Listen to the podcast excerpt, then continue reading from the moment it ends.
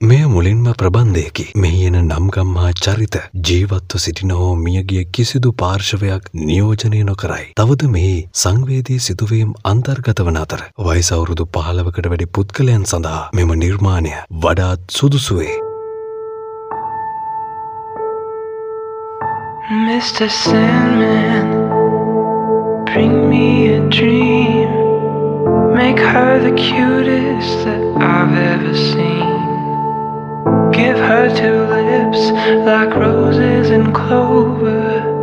And tell her that her lonely nights are over. Sandman, I'm so alone. Don't have nobody to call my own.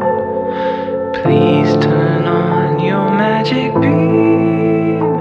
Mr. Sandman,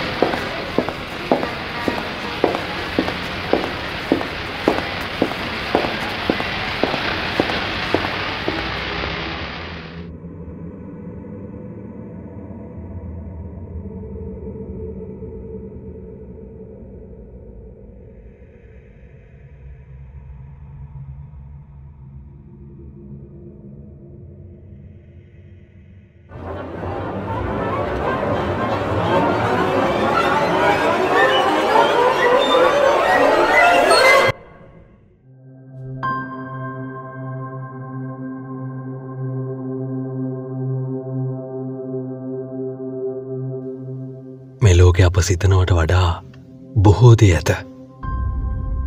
මේ අත්බූත කතන්දරේ මට දැනගන්නට ලැබුණේ මා වෙතර පැමිණි රෝගයකු ගෙනි.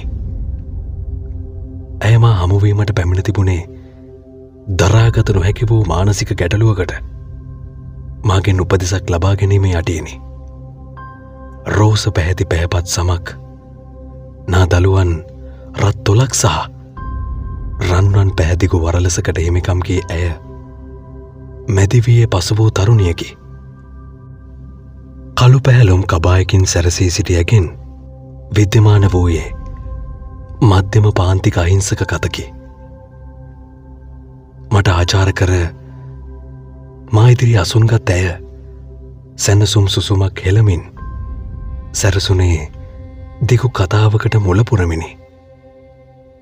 තම නිල්ලුවන් දෙනෙතින් මා දෙස බැලූ ඇය සිය කතන්දරය මා ඉදිරියේ මෙලෙස දිගහැර පෑවාය.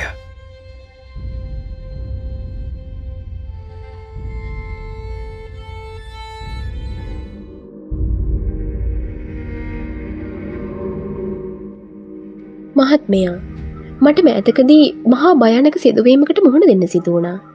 ඒක ගැහැනියක් වුණ මට දරාගත නොහැකි තරම් භයානක දෙයක්. එයින් මට කැලවෙන්න බැරි තරම්. මගේ මුළු මනස පුරාම ඒ සිදුවීම් පෙළ විටින් විට හොල්මං කරනවා. මට බයයි මට හිතෙන්නේ මට දැන් පිස්සු හැදීගෙනෙනවා. නැවතීමක් නොමැතිව ඇගේ වදන් හමුවේ මට හැඟී ගියේ ඇය මේ මොහොතේ පසුවන්නේ ඉතාම අසරණ තත්ත්වයක කියයි. මෘතු වදනින් ඇ අස්වසාලූ මා අසුනට මදක් පරවූයේ ඇගේ මේ ගැටලුව කෙරෙහි මගේ සියලුම ඉන්ද්‍රියන් අවධානය යොමු කිරීමු දෙසායි.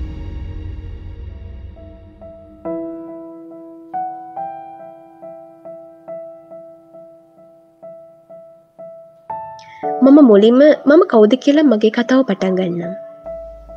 නිල්වන් දෙනෙත් කඳුලින් පුරවා ගනිමින් ඇය කියා සිටියා. මාගේ වෘතිය දිවිය තුළ මානසික රෝගින් බොහෝ දෙනෙකු මට මුණගැසී තිබුණද මේ මාගේ ජීවිතය තුළ වෙනස්ම අත්දැකීමක් කරා ගෙනයනු ඇතැයි මට සිතුනා. එය ඇයිදයිමා නොදනිමි. තම දකුණු අතෙහි ගුලි කරගෙන සිටි ලේන්සු කැබැල්ලෙන් දෙකුපුල් පුරා කඩාහෙල්න කඳුළු පිසදමු ඇය නැවත මා දෙස අසරණ ලෙසින් බැලවා. මගේ නම මේරි ජනස්. මම එංගලන්තෙම ඉපදුනේ. මම පොඩි කාලිම මගේ අම්ම නැති වුණා.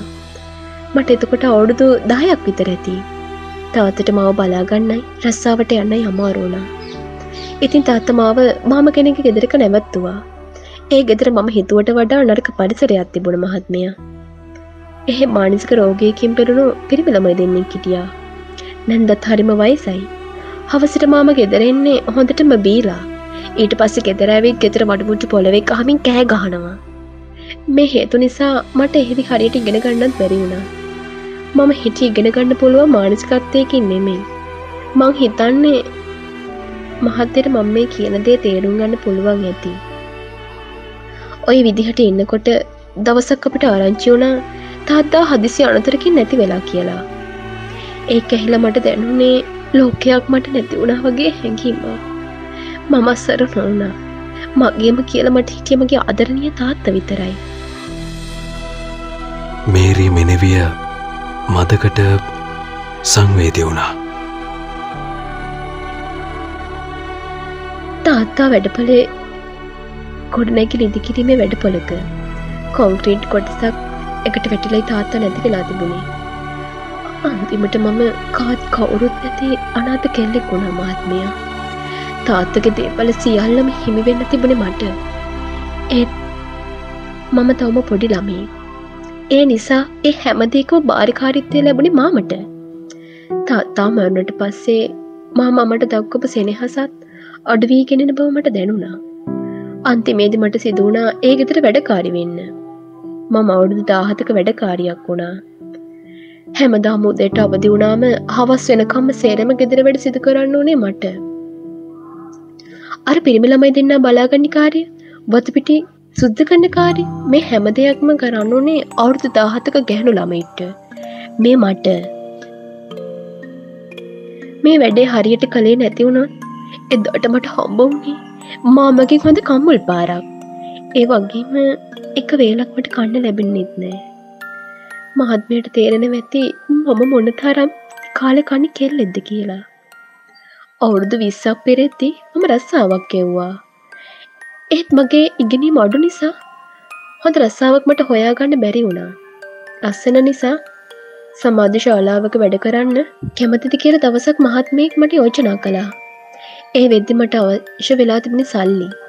මගේම කෙල ජීවිතයක් පටන් ගන්න. ඉති මම හුගේ යෝජනාවට කැමති වුණා. ඒත් ඒ රස්සාාවේ මට ලැබුණේ සතුටට වටා දුකක් විතරයි. මම හිටියටත් වඩා පහත් අඩියකට වැටුණා. සමාජ මොන තරම් කරූරද කියලා මට එහෙදි හොඳ හැටි අවබෝධ වුණා. දවසක් මම වැඩ කරත්දී මව මුණගැහෙන්නාව කොට් කලිසං ඇඳගෙන හිටපු පොහොසත් පෙනුමක් තිබෙන මහත්මයි ඔහුමට ආජ යෝජනාවක් කලා ඔහුමට කිව්වා ඔහු පවසන පරිදි ඔහු ඉදිරි මම නිරුවත් වුණොත් මට විශාල මුදලක් දෙන බව. මම ඔහුගේ යෝජනාව එකලා හෙම ප්‍රතික්ෂේප කලා මුදලට මගේ චරිතය පාවා දෙන ගැහනියෙක් නෙවෙයි මම. ඒත් ඔහුගේ මට ගැලවීමත් තිබුණි නෑ ඔහු නිතර නිතර ඇවිතින් මට කඩතර කරන්න ගත්තා. දවසක් කෝ මට අතවර කරන්න හැතුවා ඔහුගෙන් ගැලවීමට වෙරදරද්දී මගේ අතට අහුනේ වයින් බෝතලයක්. මම එයින් ඔහුගේ ඔළුවට තමා ගැව්වා ඒ නරුමයා මගේ ඉස්සරහා කප්පා හෙළු කඳක් වගේ ඇද වැටිති මම හොඳටම බය වුණා. මම මේ මිනිහව මැරුවද කියලා මොහොතක්වත් එතන නොයිද මම හිස හැරුණු අත දුවල ගිහින් නැවතුනේ නාඩ කාම්බරේ මම හොඳටම ඇඩුවා මම ජීවිතය මින් පෙර නොකළපු අත්දකීමක් එක්ක ඒ කොඩ් කලසම ඇඳගෙන හිටපු මිනිහා මම වැඩකරපු සමාජශාලාවේ අයිතිකාරයකි හොඳ මිතුරෙක් කියලා පස්සමට දැන ගන්න ලැබුණා. දවසක් අයිතිකාරයමාව ගෙන්න්නනමට හොඳටම බැන වෙදුනා. ඔහුට හිටපු වැදගත්ම ගොඩ දෙනුකරුවෙක් මම නිසා හුට නැති වුණාලු. අන්තිමේදී හුමාව රස්සාාවෙන් දොට්ට තැම මහත්මයා. රස්සාාවක් නැතුව ඉපාගාතිකිය මම දවසක් පත්තරේ වෙළඳ දැන්වීමක දැක්ක ළමයි බලාගන්න කෙනෙක් අවශ්‍යය කියල දැන්වීමක්. වැටප විදිහයට සඳහන් කළ තිබෙන ලොකු ගාන ම ජීවිතයට පලාපොරොත්තු නොවුණු තරම් විශාල මුදලා මේ වගේ අවස්ථාවක පොඩි මුදලක් වුණත් මට වටිනවා. ඉතින් මම ඉක්මට ඒ දැන්වීම තියෙන ලිපිනිය කොළ කෑල්ලක ලියා ගත්තා ඒත් ඒ ගෙදර තියෙන්නේ කොයිද කියලවත් මට අදහසක් තිබුණේ නෑ පදික වේදිකාවේ ඇවිතන් යද්දී කීප දෙනෙක්ගේම මම ඒ ගැන ඇහුවා. ඒත් ඒ මිනිස්සු සේරම වගේ කොළේ ඇතට අරගෙන බලල ආයමත් මගේ දිහා ටික වෙලාවක් බලාගින්නල ඇහුවේ ළමයෝ පිස්සුද විකාර වැඩි කරන්නතුව තමන්ගේ වැඩ බලාගන්න මෙහෙම තැනක් මේ එංගලන්ත කොහෙවත් නෑ කියලයි. මම මේ හැම කෙනා තම පත්තරේ පෙන්නවා. ඒත් ඒ හැමෝම පත්තරේ දිහා බලාගෙනින්දලා මගෙත් එක්ක හිනා වෙලා මගේ ඔළුවත් අතකාල යන්න ගිය හරියට මම පිස්සියක් ගාඩ සල කළ වගේ. අවුරුදු විස්සක් වුණාට මාව නිකම් පෙනුනි පොඩි ළමයෙක් වගේ. ඒ මොක්කද මට හරියටම කෑම වේලක්වත් මමග ගෙදරින් ලැබුණි නෑ. මේ නිසා සමහර විට ඒ හැමෝටම මාව කිසිත් නොදන්නා නොදරවෙක් වගේ පෙනෙන් නැති. දවසක් හවස්වරුවක රෑ කෑමට මසේ පානු අරගෙන විදිිය දිගයක් ඇවිතන් යෙද්දි මාවතේගේ කොළපාට මයිනකාර එකක් ඇවිත් නැවත්තුව මගේ ළඟින් මම මේ ගැන වැඩි හිතන්න ඇතුව ඇවිදින් ගියා.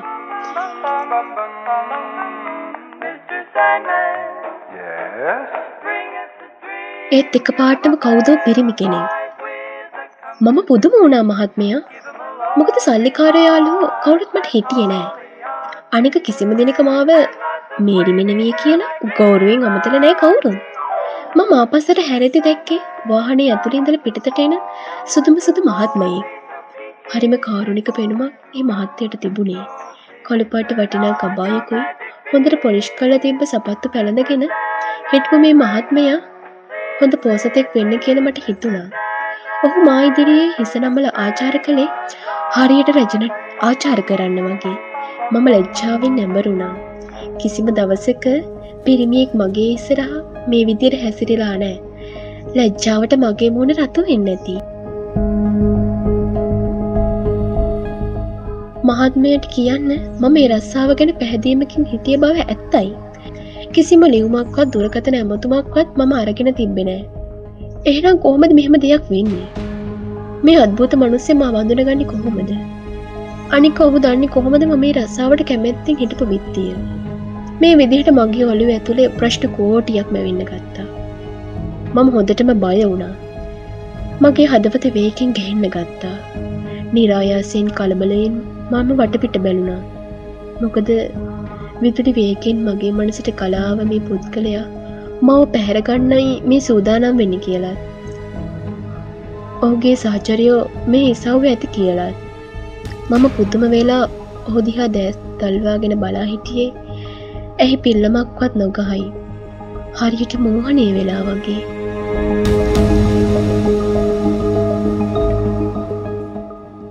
මම සිහින ලෝකයට ඇදී කියේ රාග සිතුවිලි සමුදායක් මගේ ඇඟ පුරාම වේකෙන් කලා යද්දී. ඒ හැඟීම් කොතරම් පාලද කියනවනම් මටේ වෙලාව හිතුනේ ඔහු ඉදිරුවේ නියරුවත් වෙන්නයි. ඔහු සමඟ කාමුකව හැසිරෙන්නයි. දෙවියනේ මට හිතාගන්නවත් බෑ ඒ හැඟීම නම් එක් පාට මම ආයෙත් පිය විසියට එලබුණා මට හිතාගන්න බැරි වුණා මම මේ කොයි තින්න කියලවත් මම ආයමත් ඔහුදිහා බැලුවා මට මේ කිසිම දෙයක් තේරෙන් නෑ මහත්මයා. ඔබ කවුද? ඔබ කවුද? මම නොකඩවා හුගේ විමසුවේ අටියක් කාණි පසු පසට තබමින්. මගේ හිත නොකඩවා කියන්න වනේ මේරි ඉක්මනට මේ මිනිහම මගහැරල යන්න. තවත් මෙතන රැඳින හිටියොත්තින මහා විනාසයක් කියලයි. මගේ මුළු ඇඟම වෙවුලන්න ගත්තා. මගේ අතේ තිබුණ මළු දෙකක් එතනම ඇත්තහැරුණේ මටත් නොදනිම වගේ. තවත් මොහොතකටවත් එකට නොසිටි මම එක පාට මාපස්සට හැරලා වීතියතිකේ තිව්වා ටික දුරක්ගේ මම ආපස හැරල බැලුවා. අඩ අඳුරේ මම දැක්කේ තවමත්තේ මිනිහා මගෙත් එක හිනාවීගෙන එන හැටිමයි. ඒ ඒ හිනාව හරිම අමුතුයි මාත්මයා මට එක වචනවලින් විස්තර කරන්න බෑ. ඒ තරම්ම ගුප්තයි. වීතිය පුරා ගලාගෙන ගිය මියතුම් පටල කොහොමගේ නෙත් මානෙක් අතුරතන්ව ගියා සුළු මොහොතකින්.